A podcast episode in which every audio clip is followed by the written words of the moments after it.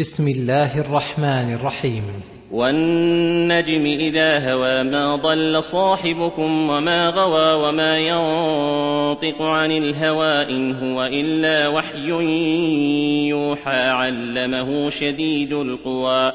يقسم تعالى بالنجم عند هويه أي سقوطه في الأفق في آخر الليل عند إدبار الليل وإقبال النهار لأن في ذلك من آيات الله العظيمة ما أوجب أن أقسم به. والصحيح أن النجم اسم جنس شامل للنجوم كلها وأقسم بالنجوم على صحة ما جاء به الرسول صلى الله عليه وسلم من الوحي الإلهي لأن في ذلك مناسبة عجيبة. فإن الله تعالى جعل النجوم زينة للسماء فكذلك الوحي وآثاره زينة للأرض.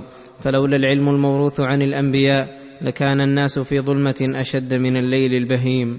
والمقسم عليه تنزيه الرسول صلى الله عليه وسلم عن الضلال في علمه والغي في قصده ويلزم من ذلك أن يكون مهتديا في علمه هاديا حسن القصد ناصحا للأمة بعكس ما عليه أهل الضلال من فساد العلم وفساد القصد.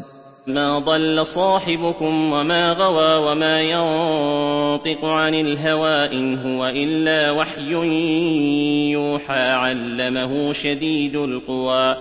وقال صاحبكم لينبههم على ما يعرفونه منه من الصدق والهداية وأنه لا يخفى عليهم أمره وما ينطق عن الهوى أي ليس نطقه صادرا عن هوى نفسه. إن هو إلا وحي يوحى علمه شديد القوى. أي لا يتبع إلا ما أوحى الله إليه من الهدى والتقوى في نفسه وفي غيره.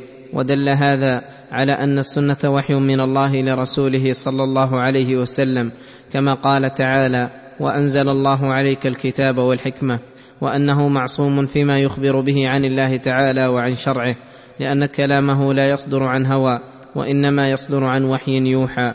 ثم ذكر المعلم للرسول صلى الله عليه وسلم وهو جبريل عليه السلام أفضل الملائكة الكرام وأقواهم وأكملهم. فقال علمه شديد القوى. أي نزل بالوحي على الرسول صلى الله عليه وسلم جبريل عليه السلام. شديد القوى أي شديد القوة الظاهرة والباطنة. قوي على تنفيذ ما أمره الله بتنفيذه. قوي على إيصال الوحي إلى الرسول صلى الله عليه وسلم. ومنعه من اختلاس الشياطين له أو إدخالهم فيه ما ليس منه. وهذا من حفظ الله لوحيه أن أرسله مع هذا الرسول القوي الأمين. ذو مرة فاستوى وهو بالأفق الأعلى ثم دنا فتدلى فكان قاب قوسين أو أدنى. ذو مرة أي قوة وخلق حسن وجمال ظاهر وباطن. فاستوى جبريل عليه السلام وهو بالأفق الأعلى أي أفق السماء الذي هو أعلى من الأرض فهو من الأرواح العلوية التي لا تنالها الشياطين ولا يتمكنون من الوصول إليها. ثم دنا فتدلى فكان قاب قوسين أو أدنى. ثم دنا جبريل من النبي صلى الله عليه وسلم لإيصال الوحي إليه فتدلى عليه من الأفق الأعلى. فكان قاب قوسين أو أدنى. فكان في قربه منه قاب قوسين أي قدر قوسين والقوس معروف أو أدنى أي أقرب من القوسين وهذا يدل على كمال المباشرة للرسول صلى الله عليه وسلم بالرسالة وأنه لا واسطة بينه وبين جبريل عليه السلام. فأوحى إلى عبده ما أوحى ما كذب الفؤاد ما رأى.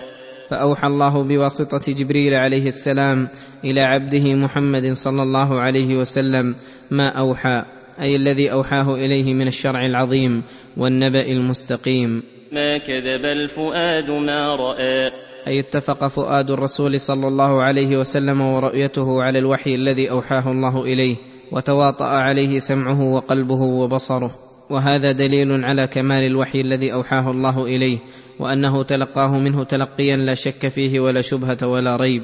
فلم يكذب فؤاده ما رأى بصره ولم يشك بذلك. ويحتمل أن المراد بذلك ما رأى صلى الله عليه وسلم ليلة أسري به من آيات الله العظيمة وأنه تيقنه حقا بقلبه ورؤيته. هذا هو الصحيح في تأويل الآية الكريمة.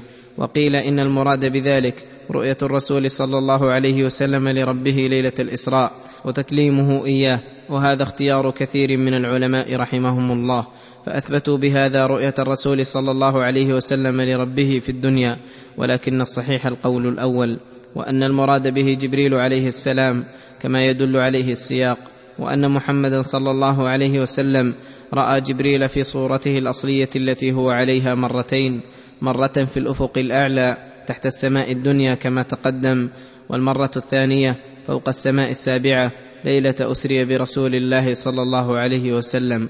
ولهذا قال افتمارونه على ما يرى ولقد راه نزله أخرى عند سدره المنتهى. ولقد راه نزله أخرى أي رأى محمد جبريل مرة أخرى نازلا إليه. عند سدرة المنتهى وهي شجرة عظيمة جدا فوق السماء السابعة سميت سدرة المنتهى لأنه ينتهي إليها ما يعرج من الأرض وينزل إليها ما ينزل من الله من الوحي وغيره أو لانتهاء علم الخلق إليها أي لكونها فوق السماوات والأرض فهي المنتهى في علوها أو لغير ذلك والله أعلم. فرأى محمد صلى الله عليه وسلم جبريل في ذلك المكان الذي هو محل الأرواح العلوية الزاكية الجميلة التي لا يقربها شيطان ولا غيره من الأرواح الخبيثة. عندها جنة المأوى. عند تلك الشجرة جنة المأوى أي الجنة الجامعة لكل نعيم بحيث كانت محلا تنتهي إليه الأماني وترغب فيه الإرادات وتأوي إليها الرغبات. وهذا دليل على أن الجنة في أعلى الأماكن وفوق السماء السابعة. إذ يغشى السدرة ما يغشى ما زاغ البصر وما طغى. إذ يغشى السدرة ما يغشى أي يغشاها من أمر الله شيء عظيم لا يعلم وصفه إلا الله عز وجل. ما زاغ البصر وما طغى. أي ما زاغ يمنة ولا يسرة عن مقصوده وما طغى أي وما تجاوز البصر وهذا كمال الأدب منه صلوات الله وسلامه عليه أن قام مقاما أقامه الله فيه ولم يقصر عنه ولا تجاوزه ولا حاد عنه. وهذا أكمل ما يكون من الأدب العظيم الذي فاق فيه الأولين والآخرين. فإن الإخلال يكون بأحد هذه الأمور إما أن لا يقوم العبد بما أمر به أو يقوم به على وجه التفريط أو على وجه الإفراط أو على وجه الحيدة يمينا وشمالا. وهذه الأمور كلها منتفية عنه صلى الله عليه وسلم. لقد رأى من آيات ربه الكبرى. من الجنة والنار وغير ذلك من الأمور التي رآها صلى الله عليه وسلم ليلة أسري به. أفرأيتم اللات والعزى ومناة الثالثة الأخرى؟ لما زكى تعالى ما جاء به محمد صلى الله عليه وسلم من الهدى ودين الحق والأمر بعبادة الله وتوحيده ذكر بطلان ما عليه المشركون من عبادة من ليس له من أوصاف الكمال شيء ولا تنفع ولا تضر وإنما هي أسماء فارغة من المعنى. سماها المشركون هم وآباؤهم الجهال الضلال. ابتدعوا لها من الأسماء الباطلة التي لا تستحقها فخدعوا بها أنفسهم وغيرهم من الضلال. فالآلهة التي بهذه الحال لا تستحق مثقال ذرة من العبادة. وهذه الأنداد التي سموها بهذه الأسماء زعموا أنها مشتقة من أوصاف هي متصفة بها فسموا اللات من الإله المستحق للعبادة والعزى من العزيز ومناه من المنان الحادا في أسماء الله وتجريا على الشرك به. وهذه أسماء متجردة عن المعاني فكل من له أدنى مسكة من عقل يعلم بطلان هذه الأوصاف فيها. ألكم الذكر وله الأنثى تلك إذا قسمة ضيزى أي أتجعلون لله البنات بزعمكم ولكم البنون تلك إذا قسمة ضيزى أي ظالمة جائرة وأي ظلم أعظم من قسمة تقتضي تفضيل العبد المخلوق على الخالق تعالى الله عن قولهم علوا كبيرا وقوله إن هي إلا أسماء سميتموها أنتم وآباؤكم ما أنزل الله بها من سلطان إن يتبعون إلا الظن وما تهوى الأنفس ولقد جاءهم من ربهم الهدى. ما أنزل الله بها من سلطان أي من حجة وبرهان على صحة مذهبكم وكل أمر ما أنزل الله به من سلطان فهو باطل فاسد لا يتخذ دينا وهم في أنفسهم ليسوا بمتبعين لبرهان يتيقنون به ما ذهبوا إليه وإنما دلهم على قولهم الظن الفاسد والجهل الكاسد وما تهواه أنفسهم من الشرك والبدع الموافقة لأهويتهم والحال أنه لا موجب لهم يقتضي اتباعهم الظن من فقد العلم والهدى. ولهذا قال تعالى ولقد جاءهم من ربهم الهدى. أي الذي يرشدهم في باب التوحيد والنبوة وجميع المطالب التي يحتاج إليها العباد فكلها قد بينها الله أكمل بيان وأوضحه وأدله على المقصود وأقام عليه من الأدلة والبراهين ما يوجب لهم ولغيرهم اتباعه فلم يبق لأحد عذر ولا حجة من بعد البيان والبرهان. وإذا كان ما هم عليه غايته اتباع الظن ونهايته الشقاء الأبدي والعذاب السرمدي فالبقاء على هذه الحال من أسفه السفه وأظلم الظلم ومع ذلك يتمنون الاماني ويغترون بأنفسهم. ولهذا أنكر تعالى على من زعم أنه يحصل له ما تمنى وهو كاذب في ذلك فقال أم للإنسان ما تمنى فلله الآخرة والأولى. فيعطي منهما من يشاء ويمنع من يشاء فليس الأمر تابعا لأمانيهم ولا موافقا لأهوائهم. يقول تعالى منكرا على من عبد غيره من الملائكة وغيرهم وزعم أنها تنفعه وتشفع له عند الله يوم القيامة. وكم من ملك في السماوات لا تغني شفاعتهم شيئا الا من بعد ان ياذن الله الا من بعد ان ياذن الله لمن يشاء ويرضى.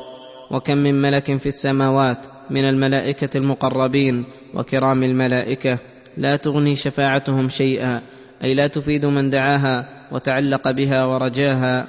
إلا من بعد أن يأذن الله لمن يشاء ويرضى. أي لا بد من اجتماع الشرطين إذنه تعالى في الشفاعة ورضاه عن المشفوع له. ومن المعلوم المتقرر أنه لا يقبل من العمل إلا ما كان خالصا لوجه الله موافقا فيه صاحبه الشريعة. فالمشركون إذن لا نصيب لهم من شفاعة الشافعين وقد سدوا على أنفسهم رحمة أرحم الراحمين. إن الذين لا يؤمنون بالآخرة ليسمون الملائكة تسمية الأنثى. يعني إن المشركين بالله المكذبين لرسله الذين لا يؤمنون بالآخرة وبسبب عدم إيمانهم بالآخرة تجرأوا على ما تجرأوا عليه من الأقوال والأفعال المحادة لله ولرسوله من قولهم الملائكة بنات الله فلم ينزهوا ربهم عن الولادة ولم يكرموا الملائكة ويجلوهم عن تسميتهم إياهم إناثا. والحال أنه ليس لهم بذلك علم لا عن الله ولا عن رسوله ولا دلت على ذلك الفطر والعقول بل العلم كله دال على نقيض قولهم. وأن الله منزه عن الأولاد والصاحبة لأنه الواحد الأحد الفرد الصمد الذي لم يلد ولم يولد ولم يكن له كفوا أحد وأن الملائكة كرام مقربون إلى الله قائمون بخدمته لا يعصون الله ما أمرهم ويفعلون ما يؤمرون. وما لهم به من علم إن يتبعون إلا الظن وإن الظن لا يغني من الحق شيئا. والمشركون إنما يتبعون في ذلك القول القبيح وهو الظن الذي لا يغني من الحق شيئا فإن الحق لا بد فيه من اليقين المستفاد من الأدلة القاطعة والبراهين الساطعة. فأعرض عمن تولى عن ذكرنا ولم يرد إلا الحياة الدنيا. ولما كان هذا دأب هؤلاء المذكورين أنهم لا غرض لهم في اتباع الحق وإنما غرضهم ومقصودهم ما تهواه نفوسهم أمر الله رسوله بالإعراض عمن تولى عن ذكره الذي هو الذكر الحكيم والقرآن العظيم والنبأ الكريم فأعرض عن العلوم النافعة ولم يرد إلا الحياة الدنيا فهذا منتهى إرادته.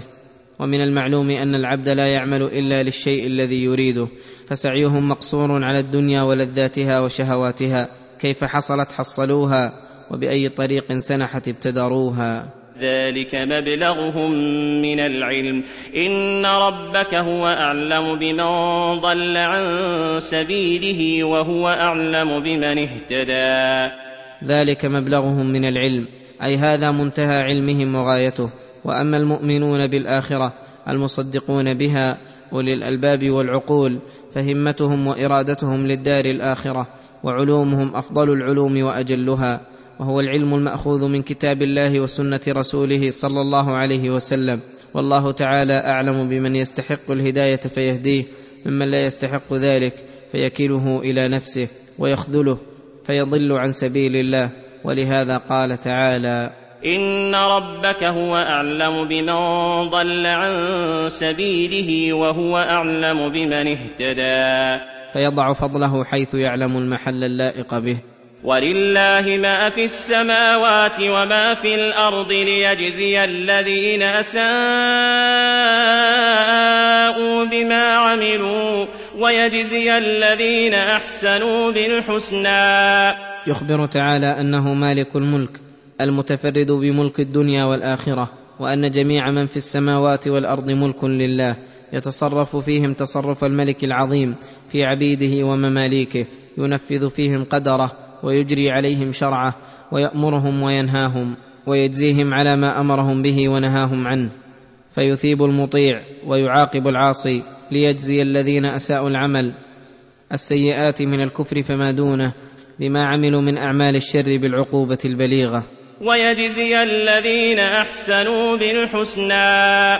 ويجزي الذين أحسنوا في عبادة الله وأحسنوا إلى خلق الله بأنواع المنافع بالحسنى. أي بالحالة الحسنة في الدنيا والآخرة وأكبر ذلك وأجله رضا ربهم والفوز بنعيم الجنة. ثم ذكر وصفهم فقال الذين يجتنبون كبائر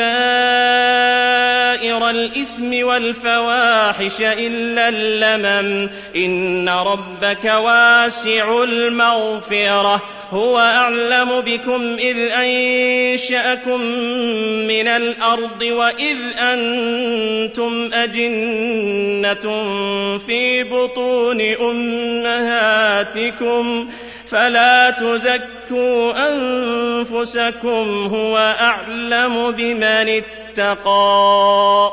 الذين يجتنبون كبائر الإثم والفواحش اي يفعلون ما أمرهم الله به من الواجبات التي يكون تركها من كبائر الذنوب ويتركون المحرمات الكبار كالزنا وشرب الخمر وأكل الربا والقتل ونحو ذلك من الذنوب العظيمة إلا اللمم وهي الذنوب الصغار التي لا يصر صاحبها عليها أو التي يلم بها العبد المرة بعد المرة على وجه الندرة والقلة. فهذه ليس مجرد الإقدام عليها مخرجا للعبد من أن يكون من المحسنين. فإن هذه مع الإتيان بالواجبات وترك المحرمات تدخل تحت مغفرة الله التي وسعت كل شيء ولهذا قال إن ربك واسع المغفرة. فلولا مغفرته لهلكت البلاد والعباد ولولا عفوه وحلمه لسقطت السماء على الأرض ولما ترك على ظهرها من دابة.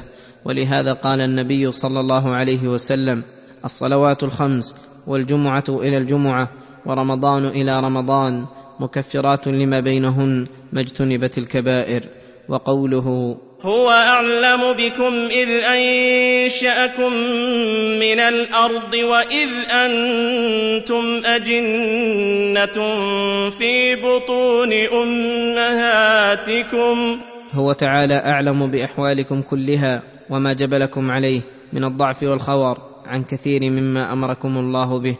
ومن كثرة الدواعي إلى بعض المحرمات وكثرة الجواذب إليها وعدم الموانع القوية والضعف موجود مشاهد منكم حين أنشأكم الله من الأرض وإذ كنتم في بطون أمهاتكم ولم يزل موجودا فيكم وإن كان الله تعالى قد أوجد فيكم قوة على ما أمركم به ولكن الضعف لم يزل فلعلمه تعالى بأحوالكم هذه ناسبت الحكمة الإلهية والجود الرباني أن يتغمدكم برحمته ومغفرته وعفوه ويغمركم بإحسانه ويزيل عنكم الجرائم والمآثم خصوصا إذا كان العبد مقصوده مرضاة ربه في جميع الأوقات وسعيه فيما يقرب إليه في أكثر الآنات وفراره من الذنوب التي يتمقت بها عند مولاه ثم تقع منه الفلتة بعد الفلتة. فإن الله تعالى أكرم الأكرمين وأرحم الراحمين أرحم بعباده من الوالدة بولدها.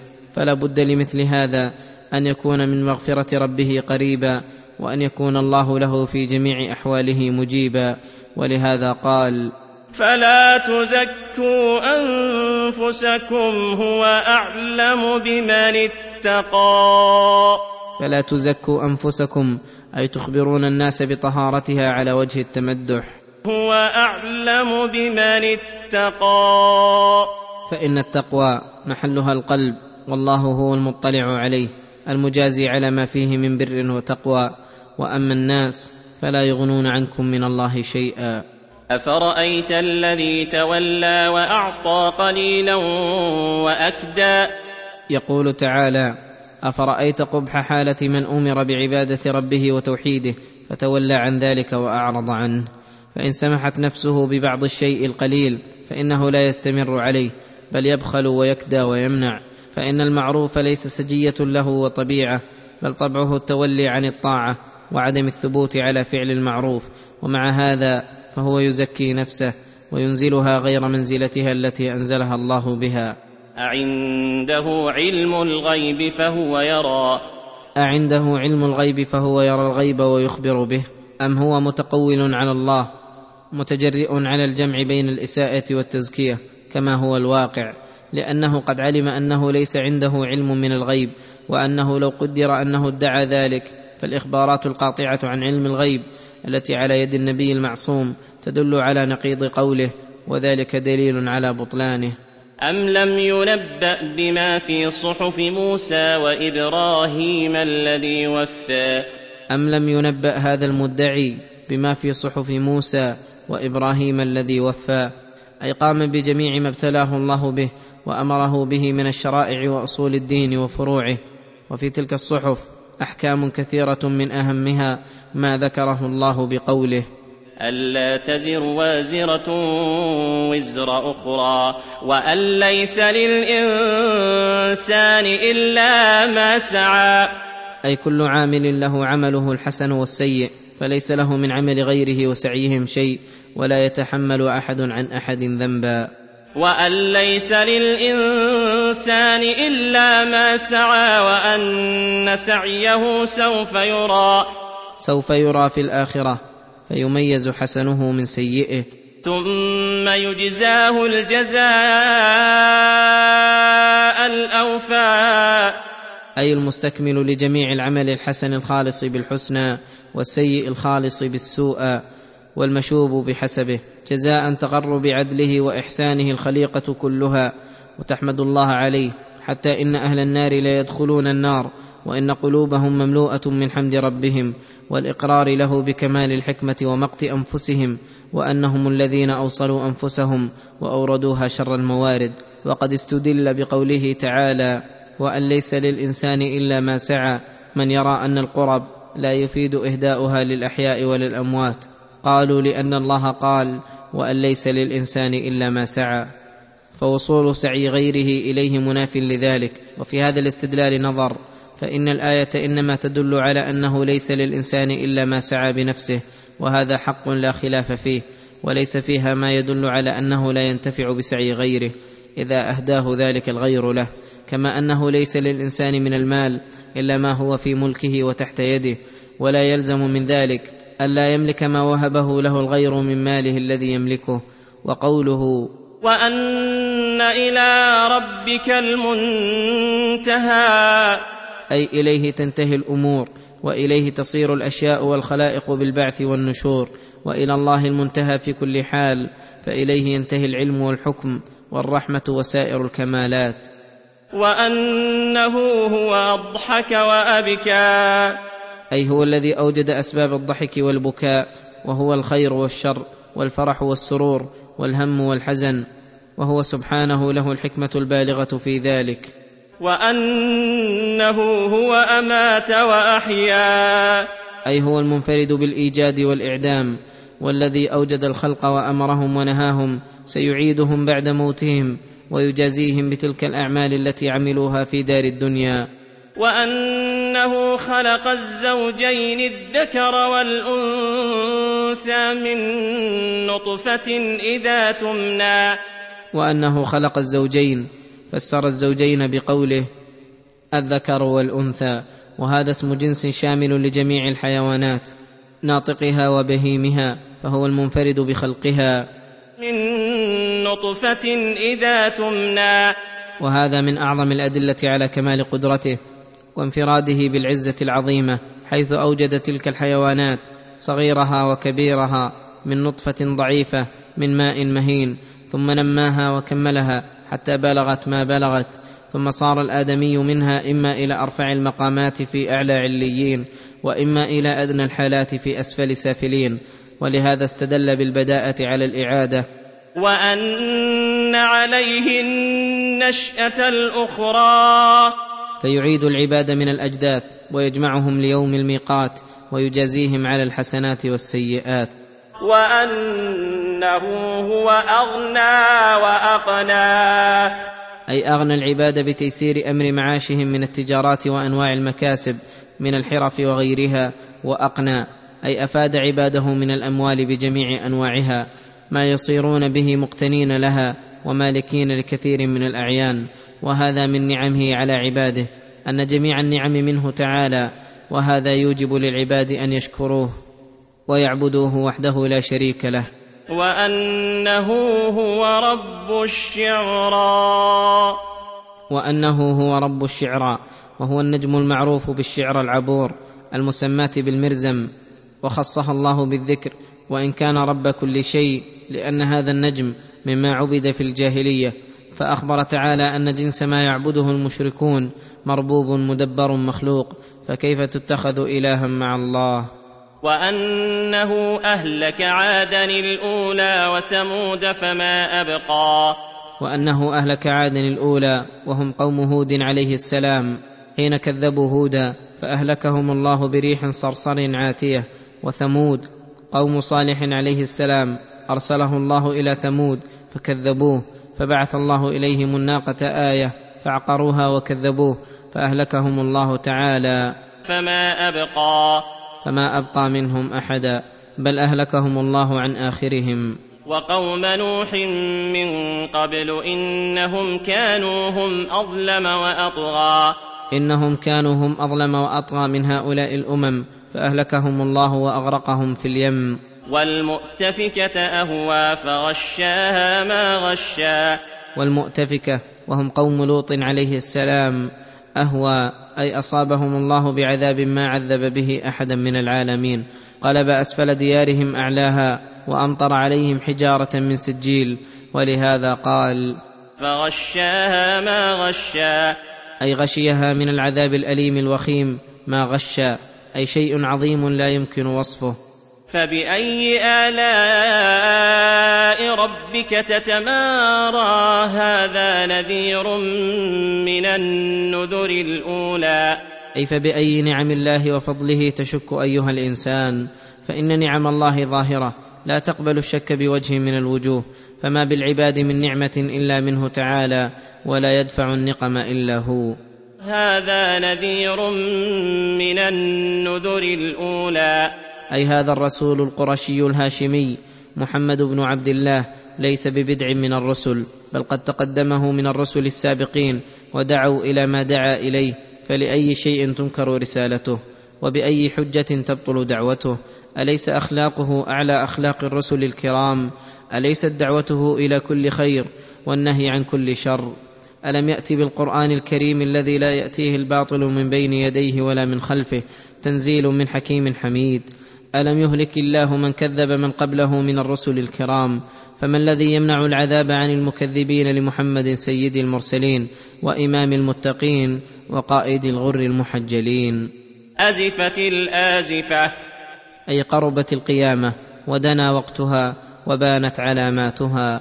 ليس لها من دون الله كاشفة. أي إذا أتت القيامة وجاءهم العذاب الموعود به ثم توعد المنكرين لرسالة الرسول محمد صلى الله عليه وسلم المكذبين لما جاء به من القرآن الكريم فقال أفمن هذا الحديث تعجبون؟ أي أفمن هذا الحديث الذي هو خير الكلام وأفضله وأشرفه تتعجبون منه وتجعلونه من الأمور المخالفة للعادة الخارقة للأمور والحقائق المعروفة هذا من جهلهم وضلالهم وعنادهم وإلا فهو الحديث الذي إذا حدث صدق وإذا قال قولا فهو القول الفصل الذي ليس بالهزل وهو القرآن العظيم الذي لو أنزل على جبل لرأيته خاشعا متصدعا من خشية الله الذي يزيد ذوي الأحلام رأيا وعقلا وتسديدا وثباتا وإيمانا ويقينا والذي ينبغي العجب من عقل من تعجب منه وسفهه وضلاله. وتضحكون ولا تبكون أي تستعملون الضحك والاستهزاء به مع أن الذي ينبغي أن تتأثر منه النفوس وتلين له القلوب وتبكي له العيون سماعا لأمره ونهيه واصغاء لوعده ووعيده والتفاتا لأخباره الحسنة الصادقة. وتضحكون ولا تبكون وأنتم سامدون. أي غافلون عنه لاهون عن تدبره وهذا من قلة عقولكم وأديانكم. فلو عبدتم الله وطلبتم رضاه في جميع الأحوال لما كنتم بهذه المثابة التي يأنف منها أولو الألباب ولهذا قال تعالى فاسجدوا لله واعبدوا.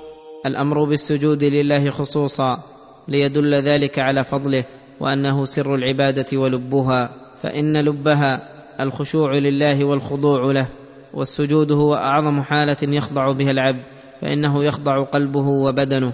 ويجعل أشرف أعضائه على الأرض المهينة موضع وطئ الأقدام ثم أمر بالعبادة عموما الشاملة لجميع ما يحبه الله ويرضاه من الأعمال والأقوال الظاهرة والباطنة.